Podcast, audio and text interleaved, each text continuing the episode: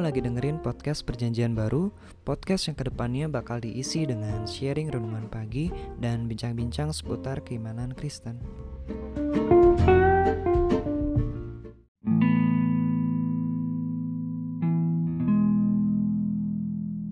Di balik sengsara, Roma 5 ayat yang ketiga, dan bukan hanya itu saja, kita malah bermegah juga dalam kesengsaraan kita karena kita tahu bahwa kesengsaraan itu menimbulkan ketekunan. Apa sih yang kamu rasain waktu dengar kata sengsara? Kesedihan, nggak nyaman. Iya, kesengsaraan itu sesuatu yang ingin kita hindari. Gak enak dan benar-benar gak nyaman ngalamin kesengsaraan. Namun Rasul Paulus dalam Roma 5 ayat 3 bilang, bermegah juga dalam kesengsaraan. Pertanyaannya, apa mungkin kita dapat bermegah dalam kesengsaraan? Jawabannya mungkin banget.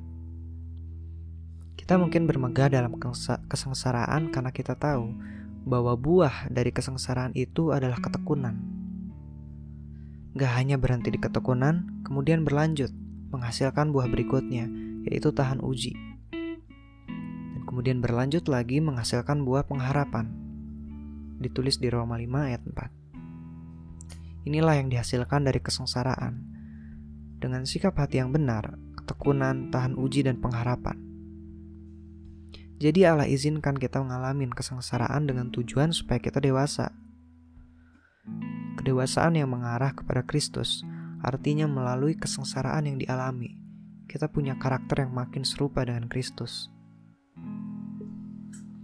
Gak ada jalan lain untuk mengembangkan karakter kita selain menjalaninya melalui kesengsaraan. Kesabaran muncul melalui kesengsaraan dan melaluinya menghasilkan kemampuan dalam diri kita untuk dapat bertahan dalam kesengsaraan. Dan kesabaran ini menajamkan karakter kita yang tanpa kita sadari menghasilkan bukan hanya kesabaran, melainkan juga tahan uji. Kalau Tuhan izinkan kamu ada di proses ini, jangan takut, hadapi. Karena boleh jadi lewat semuanya Tuhan mau mendewasakan pribadi kamu. Tetap semangat.